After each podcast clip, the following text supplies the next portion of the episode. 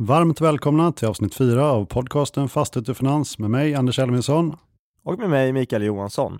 Och Anders, är det inte en spännande tid vi lever i med banker som strular, inflation som fortsätter skena? Eh, på senare tid har vi i alla fall sett fastighetsindex och långräntor som egentligen går åt olika håll. Så man kan väl summera det med att antalet osäkerhetsparametrar just nu är väldigt många. Det känns, eh, tycker jag, som att transaktionsmarknaden kom igång lite i februari, men de senaste två veckorna har man nästan inte hört någonting. Nej, jag håller med där och jag tror att de transaktionerna som kommunicerades i slutet av januari och i februari eh, till stora delar var eftersläntrare eh, som diskuterades under det fjärde kvartalet men som stängdes först på andra sidan årsskiftet och därefter kommunicerades. Så jag tror vi kommer att ha en liten mellanperiod här eh, från nu till eh, Ja, men slutet april, eh, början maj, då tror jag vi återigen kommer att få se ganska många affärer som kommunicerar, som just nu diskuteras och ligger i eh, exklusiva processer, alltså i DD-fas då, som man säger på fastighetsspråk. Så du skulle säga att den berömda pipelinen nu är bra, men att det kommer dröja lite innan vi på publika sidan får reda på det? Nej men precis, det, det är mycket som kokar i grytan, det märker jag, speciellt hos mina eh, kollegor på Capital Markets-avdelningen på Cushman Wakefield. Men en affär som jag tyckte var intressant som kommunicerades här nyligen, det var ju Svea Artilleri. Det är en kontorsfastighet som ligger invid Stockholms stadion, som de flesta säkert har besökt vid något tillfälle, på andra sidan Lidingövägen.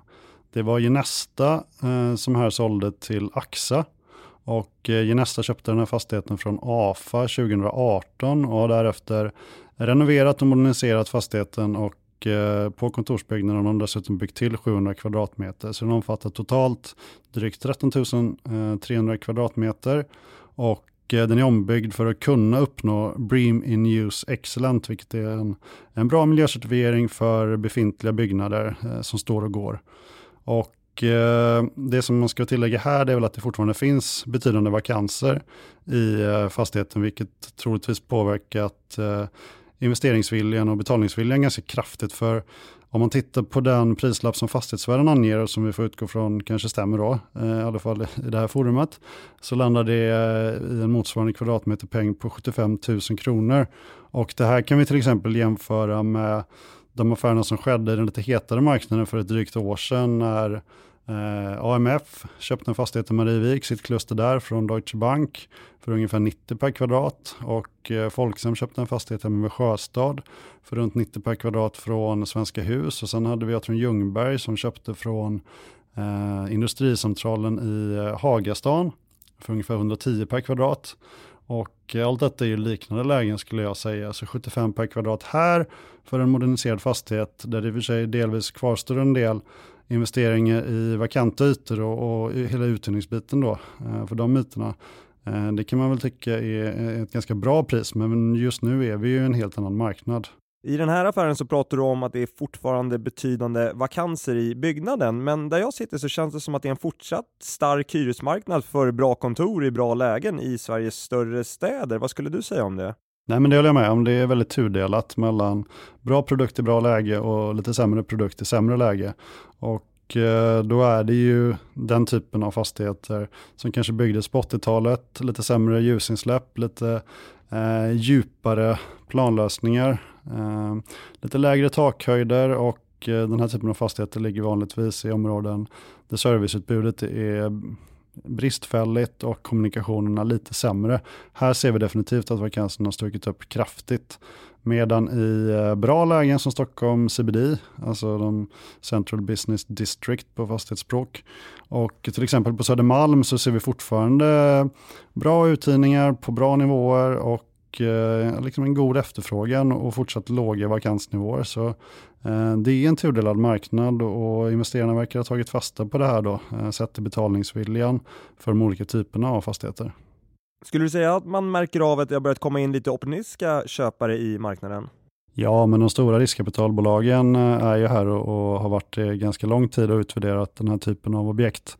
Och eh, tidigare så var det nästan en fördel att ha vakanta lokaler för hyresmarknaden var superstark och det mesta gick att hyra ut på bra nivåer jämfört med vad man tidigare hyrde ut dem till då.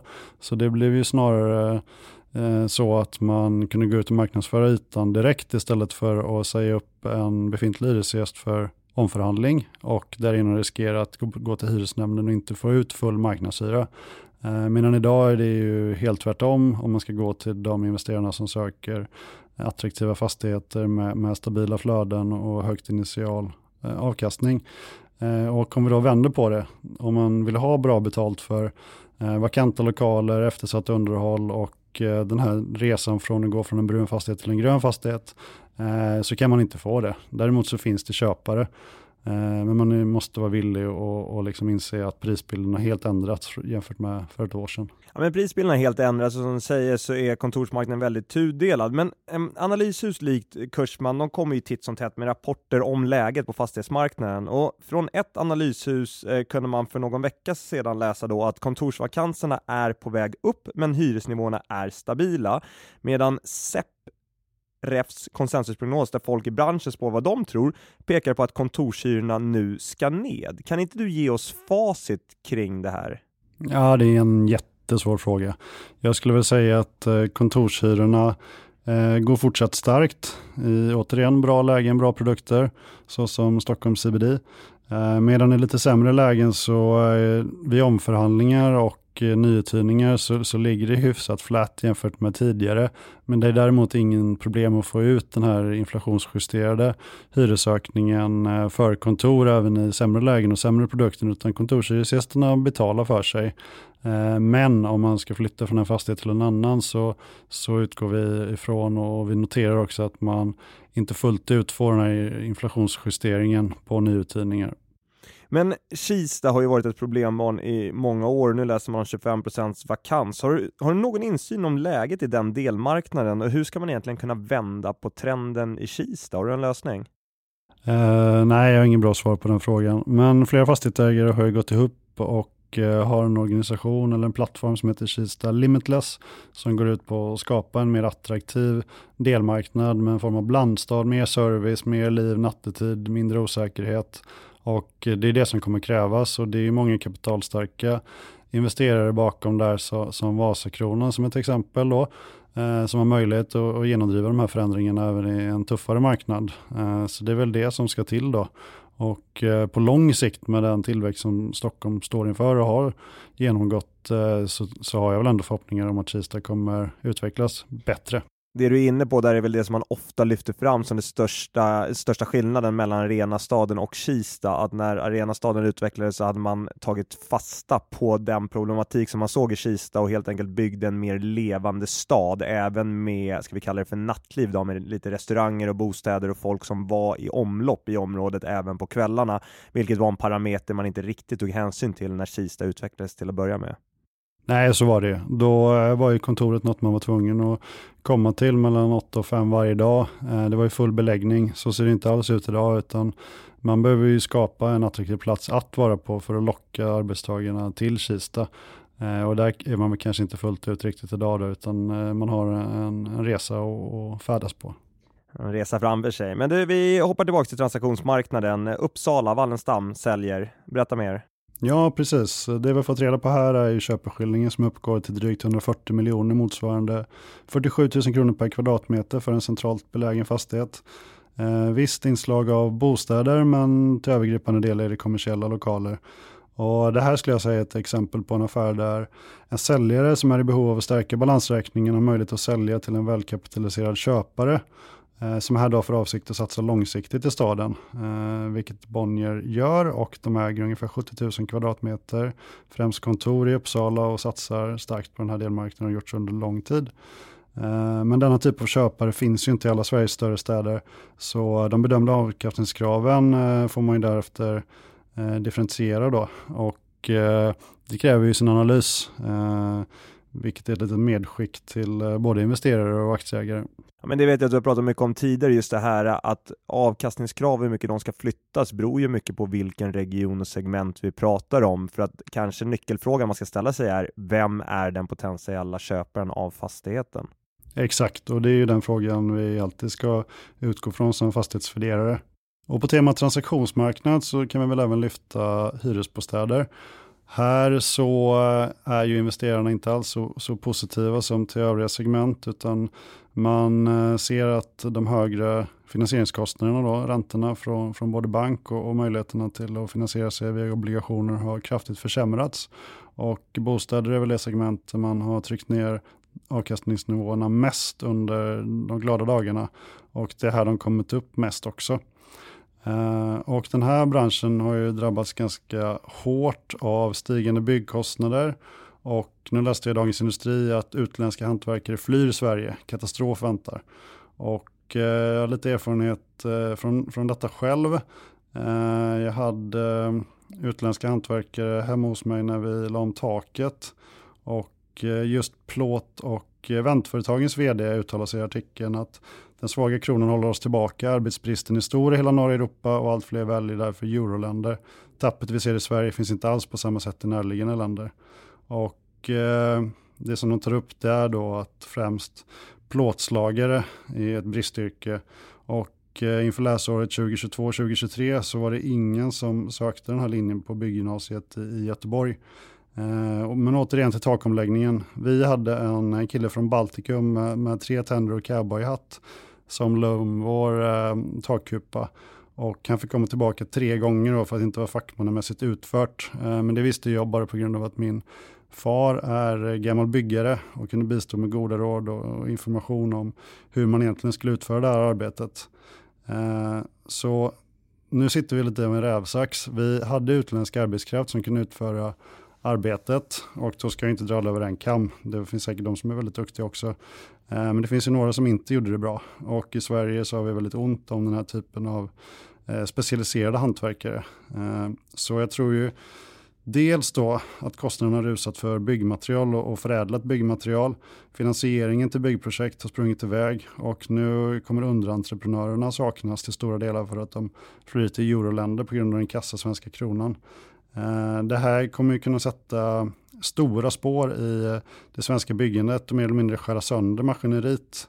Hörde en eh, Eh, personer talade med som trodde att det här kunde ta upp till ett decennium innan vi kommer upp till samma nivåer som vi såg för två år sedan med 60 till 70 000 bostäder per år i produktion eh, när det väl eh, skär sig på det här viset som det har gjort så, så tar det lång tid att återanställa personer och få tillbaka kunskapen i organisationerna, både bland utvecklarna och, och, inom kommunerna där man jobbar med planhantering och den här typen av frågor. Så det kommer bli väldigt intressant att se vad det här tar vägen.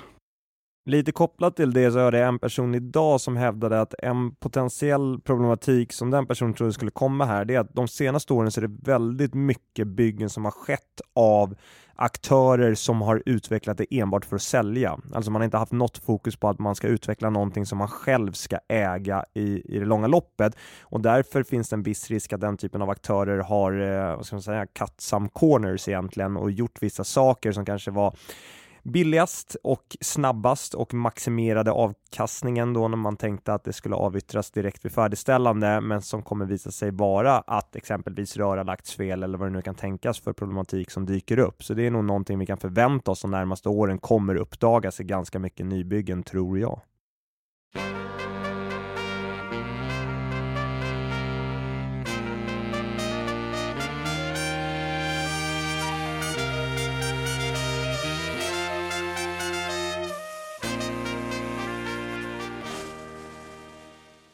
Fastighet och Finans är även denna vecka inspelat i samarbete med Fastighetsvärlden. I snart 40 år har Fastighetsvärlden genom konferenser, magasin, nyhetsbrev och hemsida levererat marknadsledande nyhetsbevakning av Sveriges bygg och fastighetsbransch.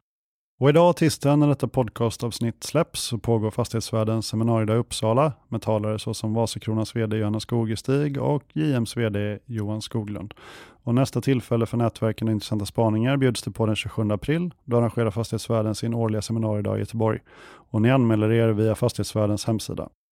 Fastighetsmässan Mippim i Cannes i Frankrike gick av stapeln i förra veckan och för mig eh, som inte var där, mitt plan gick till Oslo tyvärr istället, så var det väldigt intressant att ta del av fastighetsvärldens rapportering. Och ett citat jag tar med mig är att bankgubbarna är glada över all uppmärksamhet och det har jag inte svårt att tro på. Det är verkligen säljarens marknad när det kommer till bankfinansiering just nu. Och en artikel från Fastighetsvärdens bevakning som jag tyckte var lite kul, eh, det var ju eh, att en lokal svensk mäklare tipsade om ett antal objekt som låg ute till försäljning. Och jag blev faktiskt lite förvånad över att inte priserna var högre, så en investering här kanske kan vara något om man vill se till att ha delar av sina sparpengar i en annan valuta än kassakronan. Vi kan varmt rekommendera er att ta del av de senaste nyheterna på fastighetsbranschen genom fastighetsvärldens olika kanaler.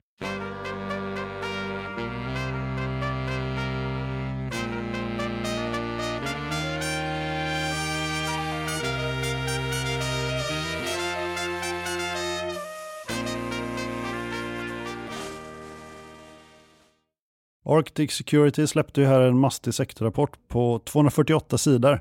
Du har haft fullt upp med att träffa investerare sedan dess och då är jag såklart intresserad av din syn på aktie och kreditmarknaden och hur intresset ser ut för att investera i de svenska börsbolagens aktier och krediter och eh, sista medskicket där och till dig Mikael som vill ha svar på, vill man gå lång eller kort nu? Ja, men precis, vi släppte en rapport i början av eh, mars eh, som blev väldigt lång, men det har ju att göra med läget i sektorn just nu som är osäkert, eh, får man säga, så det finns mycket saker att vända och vrida på. Och vi tycker ju att det inte riktigt går att dela upp den här sektorn på kredit och aktieanalys just nu, utan vi tog ett grepp om hela sektorn, tittade på fastighetsanalys och så lät det flöda ner i både ett aktie och ett kreditben. Och som jag brukar tjata om så slut, i slutändan handlar det väldigt mycket om kassaflöde idag och tittar då på olika nyckeltal på både aktie och kreditsidan som relaterar till egentligen intjäningen i bolaget snarare än just exakt var fastighetsvärdena ligger i de enskilda bolagen, även om det alltid i det långa loppet är en stor del av analysen. Eh, för att svara lite på, på dina frågor, vi har träffat väldigt många investerare här och det har varit i olika marknader. Vi har varit runt i London, i Oslo, i Stockholm och träffat både aktie och kreditinvesterare och beroende lite på vem man träffar och i vilken delmarknad så varierar synen på svensk fastighetssektor ganska mycket och vad det mest intressanta är att göra. Om jag tar ett exempel på vad jag menar så i London så får man träffa väldigt mycket så kallade special situation pension funds eh, som tittar på den här sektorn just nu därför att de upplever att det är eller kommer bli en ganska stressad situation för många aktörer och att det då kommer finnas möjlighet att skapa eh, god avkastning helt enkelt. Och där var den mest eh, intressanta traden tycker de just nu, om man bara pratar i finansiella instrument, faktiskt att gå lång krediten och kort första aktien i samma bolag. Så exempelvis då att man köper seniora icke säkerställda obligationer i Balder och sen så väljer att gå kort aktien emot det. Eh, jag vet inte eh, om jag är helt övertygad om att detta är en bra eh, trade att göra i detta marknadsläge, men det är en diskussion som tar lite tid eh, och vi går istället vidare till de norska investerarna. De norska investerarna har länge eh, tyckt om att gå kort på aktiesidan. Denna sektor har väl egentligen inte haft någon större exponering skulle jag vilja hävda på kreditsidan. Sen finns det såklart undantag till det, men generellt har intresset varit på kortsidan eh, på aktier här de senaste eh, 12 till 18 månaderna egentligen. Eh, när vi kom ut med rapporten så var vår vy väldigt tydlig. Man skulle gå kort aktierna eller att rättare sagt att aktieindex skulle gå ner i närtid. Eh, från att vi släppte rapporten den eh, 6 mars till förra fredagen som då blir den 17 mars om jag inte tänker helt fel, så gick index ner 7-8 procent samtidigt som långräntorna eh, föll. 35-40 punkter under den perioden. Så att det fanns väl visst, eh, viss fog för, för vår åsikt där och det var många i Norge som höll med om det, men samtidigt tycker man nu efter den här senaste nedgången att nedsidan i bolagen börjar bli begränsad samtidigt som det finns en del saker rent fundamentalt som talar emot en uppgång här de närmaste 3-4 månaderna, vilket gör att man inte heller är jätte jätteintresserad av att ta en lång position på aktiesidan idag heller i eh, Norge. Medan man i Sverige, tycker jag i alla fall generellt, är mer öppen bland investerarkollektivet på att titta titta på potentiella long case eh, på aktiesidan. Då. Eh, sen är det så att man väntar lite på att känna att inflationen har pikat och att man får en mer trygghet i var räntebanan ska ta vägen. Men här är man ändå öppen för att höra vilka bolag vi tycker ser attraktiva ut på aktiesidan. Eh, så jag skulle summera det här med det jag har sagt tidigare i podden. Jag tycker fortfarande att den mest eh, intressanta eh, handeln att göra på finansmarknaden idag när det gäller fastighetssektorn är att gå långkrediten, alltså köpa seniora icke-säkerställda obligationer i investment grade-ratade fastighetsbolag. Och eh, jag läste en intervju med Sven-Olof Johansson i Dagens Industri i helgen. Eh, de tyckte det var bra, han var insiktsfull som vanligt. Han resonerar bland annat på det viset att om banksystemet börjar känna att det finns en oro så påverkar det utlåningsviljan. Eh, och sen i höstas så har alla förståsigpåare sagt att det vi nu går igenom inte är någon finanskris. Eh, Silicon Valley Bank och Signature Bank som befann sig långt ut på riskskalan med inriktning mot tech respektive krypto har nu gått under. Och i Europa har mer eller mindre UBS tvingats ta över Credit Suisse för att rädda Schweiz rykte som en, ett ansett eh, finansmecka. Och jag såg att UBS sitter här i samma hus som er, så då undrar man ju om det har flugit upp champagnekorkar till ert våningsplan också. Nej, inte vad jag märkt, men jag skulle inte bli förvånad om så var fallet. Men min fråga till dig är vad du hör där ute och hur ett potentiellt worst case scenario ser ut och hur mycket av detta som är inprisat i aktiekurserna.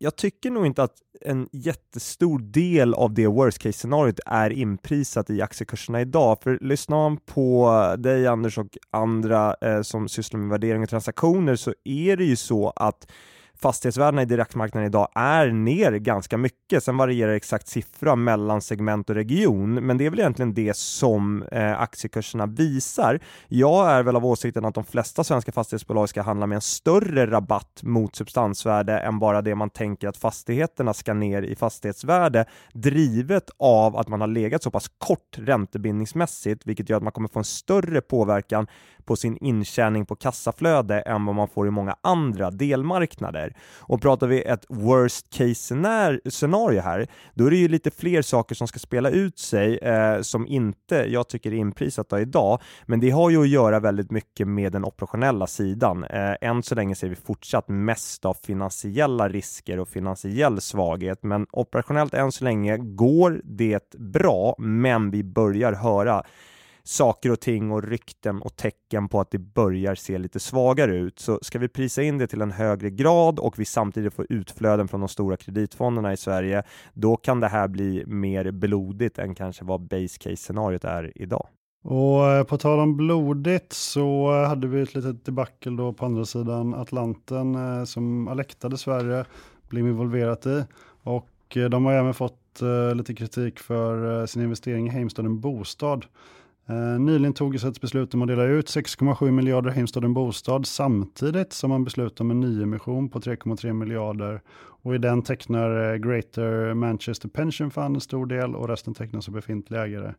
Eh, och vidare kommer uppgifter om att Heimstaden AB minskar sitt ägande i Heimstaden Bostad till knappt 40 procent av kapitalet. Kan du ge en summering av din take på vad som hänt och kan du dessutom reda ut skillnaden mellan Heimstaden AB och Heimstaden Bostad för våra lyssnare?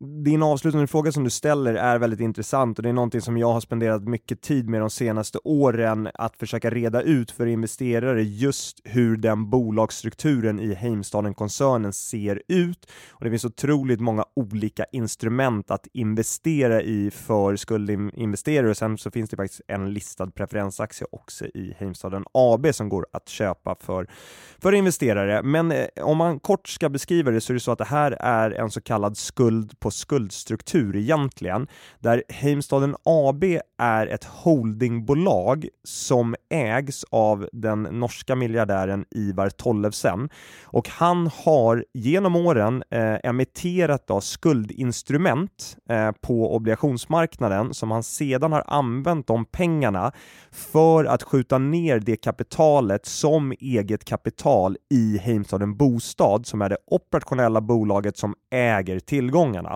Och det är alltså i det här bolaget som Heimstaden AB äger ungefär 40% och sen så äger Alecta ungefär 35% idag. Folksam eh, via då delvis Kåpan Pension är också stora ägare idag och sen så finns det lite andra småägare. Så att Heimstaden AB, där är den största tillgången ägandet av aktier i Heimstaden Bostad medan Heimstaden Bostad då, det är ett bolag som äger 345 5 miljarder i värde i bostadsfastigheter runt om i Europa.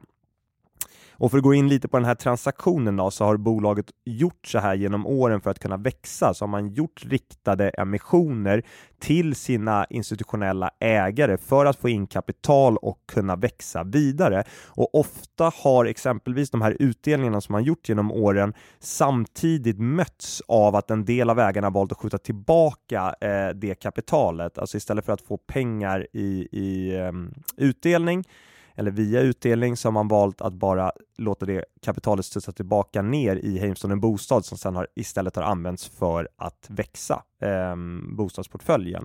Eh, och det är egentligen det vi ser här också och där kan det ju finnas lite olika eh, behov. Om man tittar på de här ägarna, om vi exempelvis tar Alecta eller Folksam, pensionsfonder med väldigt god tillgång till kapital kanske inte är i behov av att få de här utdelningarna medan Heimstaden AB, eh, om man bara jämför mellan de olika ägarna, nog har ett större behov här i närtid att få upp utdelningarna för att kunna betala ränta på sina skuldinstrument som fortfarande då finns i kapitalmarknaden. Du, eh, åsikten om Fastpartners kovändning kring utdelningen på D-aktien där, eh, de har ju varit blandade. Vad är din reaktion? För börsen tog ju uppenbarligen det här beskedet med lättnad. Ja, verkligen. D-aktien var väl upp 15% på det beskedet. Direktavkastningen här på nästa 12 månaders utdelning blir 8,3% givet den kursen man såg efter uppgången. Då. Eh, så väldigt mycket lättnad över hela den utvecklingen. Men det jag kan säga är väl följande att min tolkning av situationen är att beslutet till att börja med var drivet av att sända en signal eller ett signalvärde till Moody's att man valde att fokusera på att ha en stark likviditet och en stark balansräkning. Men efter den kritiken man har fått här för att man har valt att halvera utdelningen tycker man nog inte att det signalvärdet ger tillräckligt mycket för att det i sig tror jag man bedömer inte kommer vara tillräckligt för att hålla sin investment grade rating. Så jag tror helt enkelt att det var en situation där fastpartner känner att man inte riktigt får valuta för beslutet och då helt enkelt väljer att ändra det. Finns det investerare du talat med nu då eh, de senaste eh, veckorna eller veckan eh, som har varit intresserade av just D-aktier? Eh, för det finns väl inte så mycket preferensaktier kvar där ute? Va? Nej, det är ganska begränsat med preferensaktier kvar. Många har försvunnit. Men intresset för den här typen av kapital skulle jag säga idag inte är jättehögt faktiskt. Just med den ränteutveckling vi har sett och så tycker man att det här avkastar lite för dåligt. Så att eh, med D-aktierna, det är fem bolag som har det. Även om fastparten nu svänger om så tror inte jag att du kommer se speciellt många emissioner av, av D-aktier här under den närmaste tiden och detsamma tror jag gäller preferensaktier. Konvertibler då? Konvertibler tror jag är på tapeten eh, väldigt mycket. Jag tror att många bolag funderar på att göra en konvertibel och funderar på eh, vilken storlek och vilken investerare man ska rikta sig till och så vidare. Men jag tror absolut att det är någonting som många, många bolag just nu tycker är en spännande potentiell lösning på refinansieringsproblematiken som finns. Tror du att det skulle kunna gå så långt så att även eh, privatsparare skulle kunna få erbjudande om den här typen av instrument? Ja, det skulle kunna gå så långt, men jag tror inte att det kommer göra det. Men det skulle kunna bli en situation där det sker. Men jag tror att de här uh, investmentbankerna och även storbankerna och deras avdelningar som sysslar med det här nog i första hand helst vill rikta sig mot professionella investerare av massvis med olika skäl. Sen fick jag höra om Ballers konvertibel och att investerarna där troligtvis använder sig av någonting som kallas delta hedge. Är det någonting du kan förklara för en lekman? Eh, ja, vi kan väl försöka lite grann och se om vi kan komma in på det. Det som man är rädd för när du ger ut en konvertibel, det man har sett historiskt, det är att många bolag, eh, eller förlåt, många investerare som väljer att teckna sig för en konvertibel kommer att hedga sin investering genom att gå kort aktien. Så att ofta när man ger ut konvertibler så ser du att eh, blankningen i bolag ökar. Och jag skulle inte bli förvånad om det är så att SBB inte är intresserade av en lösning med en konvertibel eftersom det då riskerar att öka blankningen i bolaget, vilket man då helst inte vill göra. Medan ett bolag som Balder kanske hade större möjlighet att just nyttja eh, den här typen av, av instrument. Och varför går man korta? För att eh, egentligen hedga sin investering eftersom du har då, eh, om aktien skulle gå upp så har du möjlighet att konvertera in och tjäna pengar den vägen.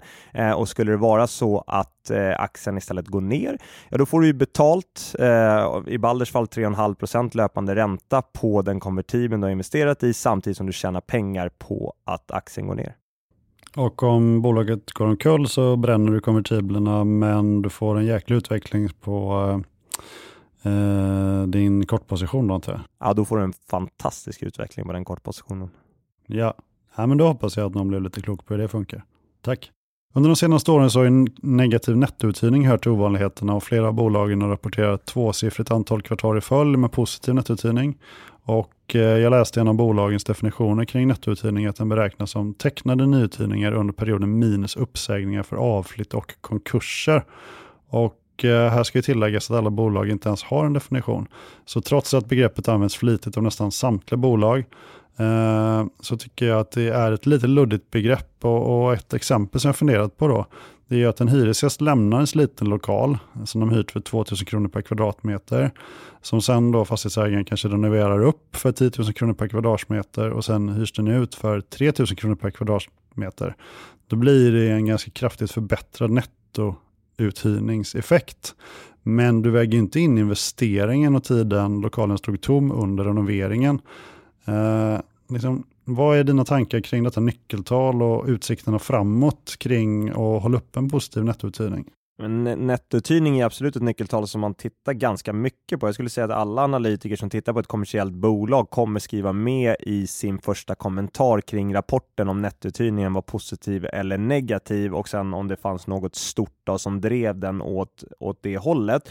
Men eh, man använder ändå nettouthyrningen för att försöka eh, estimera resultaten framgent, så det är någonting som, som analytiker tittar ganska mycket på. Sen är, blir det väl lite den här klassiska devisen att du kan inte bara hålla dig i ett nyckeltal. För att försöka få bukt lite på den problematiken du beskriver så får man ju försöka bena ut lite var man, vad man tror att det här bolaget har för yield on cost som man säger i sina investeringar. Alltså hur mycket avkastning får du på att ta investeringen och sen om du tar då för mycket eh, investering eller att det kostar för mycket att uppgradera mot det du får ut i ökad hyra så spelar det egentligen inte jättestor roll att nettouthyrningen är positiv i längden, för det blir inte bra för din avkastning i bolaget och då inte för dina aktieägare i förlängningen. Sen är det så också att när du frågar om utvecklingen för nettouthyrning så tycker jag att det är intressant att påpeka följande.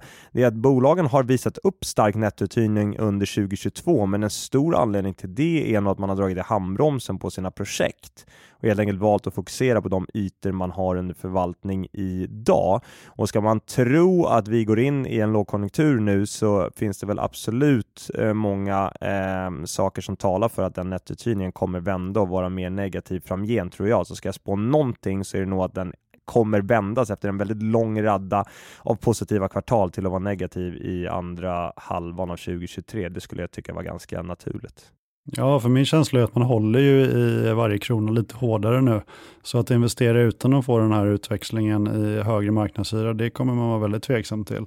Och eh, sen återigen till det här Sven-Olof eh, intervjun i Dagens Industri helgen som gick så sa han ju att vakanserna kommer nog förr eller senare.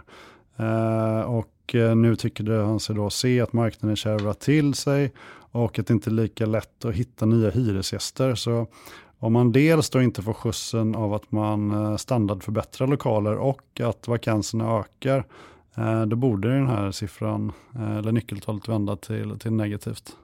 Ja, det, det, borde faktiskt göra det och det ska bli intressant att följa. Jag hör precis samma sak som dig, det som Sven-Olof sa i intervjun och jag hör det från andra aktörer också, att de märker tydlig skillnad på att det är mycket svårare att hitta hyresgäster idag och det kanske inte är nödvändigtvis att det, det är så att det man omförhandlar är på lägre nivåer, men man hör inte väldigt mycket om tryck uppåt på hyrorna nu, utan det är snarare att det gäller att hålla sina ytor eh, uthyrda och det kanske inte är en, en jargong vi har hört de senaste åren i fastighetssektorn egentligen.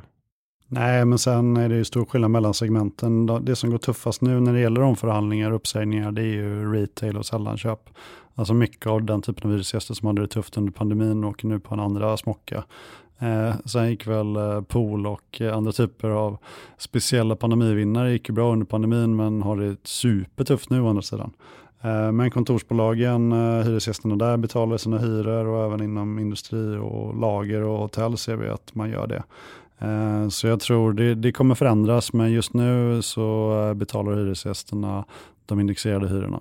Ett bolag man ska lyfta fram här som jag är imponerad över, för att det är en sak att göra en sak i ett kvartal, men om ni tittar på Stendörren och deras resultat för omförhandlade hyreskontrakt senaste jag tror att vi är uppe i, i 20-25 kvartal i rad där de genomsnittligt har höjt hyran med 21-22 procent i allt man omförhandlar. Så där har man verkligen lyckats med att trycka upp hyrorna, visserligen från låga nivåer, men det tyder ändå på att man har en portfölj i ett väldigt fint läge där det finns en, en eh, vilja hos hyresgästerna att betala upp för att finnas. Ja, nej men det är, så är det absolut. Lättindustrisegmentet som de främst är verksamma inom eh, har ju fortfarande stort intresse från investerare och vi ser affärer fortfarande på ganska bra nivåer inom det segmentet. Sen är det ju inte 20% per år hyrorna har gått upp då, utan det är ju efter tre eller fem år när hyresavtalet löper ut och man, man förhandlar om det. Eh, ska väl tillägga så ingen missuppfattar det där. Nej men absolut, samtidigt har du ju KPI-justeringarna under tiden, men du har helt rätt i att det där är en 3 till 5 års period som det, det har utvecklats. Det Stenören hade lite problem med ett tag var att man hade ganska höga vakanser, vilket jag tolkade var just för att man var ganska aggressiva, men nu har man faktiskt lyckats få ner de vakanserna eh, också eh, i, i de senaste kvartalen samtidigt som man fortsätter få upp eh, hyrorna i det man omförhandlar. Så att, eh, uppenbarligen ett bolag som har, har lyckats just i, i omförhandlingar av hyror. Mikael, återigen blev det ju ett eh, bra avsnitt med blandade ämnen och eh, nu ligger vi faktiskt på eh, ungefär 2000 eller drygt 2000 lyssnare per avsnitt och det är ju betydligt mycket mer än vad vi hade förväntat oss från början så det är väl bara att tåget får fortsätta tuta här. Ja, det hoppas jag verkligen att vi kan summera till eh, 2000 nya lyssnare för det här avsnittet när vi tittar på den statistiken. Så det är jättekul eh, alla som är med oss. Det är väldigt kul eh, den feedbacken vi har fått från er och fortsätt gärna komma med inspel, frågor, funderingar. Det gör att våra manus blir väldigt enkla att skriva. Och ska vi köra den vanliga disclaimern? Ja, men det tycker jag. Det har vi faktiskt inte varit inne på idag. Då. Alltså, vi kör den disclaimen att allt vi har sagt ska ni inte tolka som en rekommendation i något finansiellt instrument. Tack så mycket. Ha det gott allihop. Tack.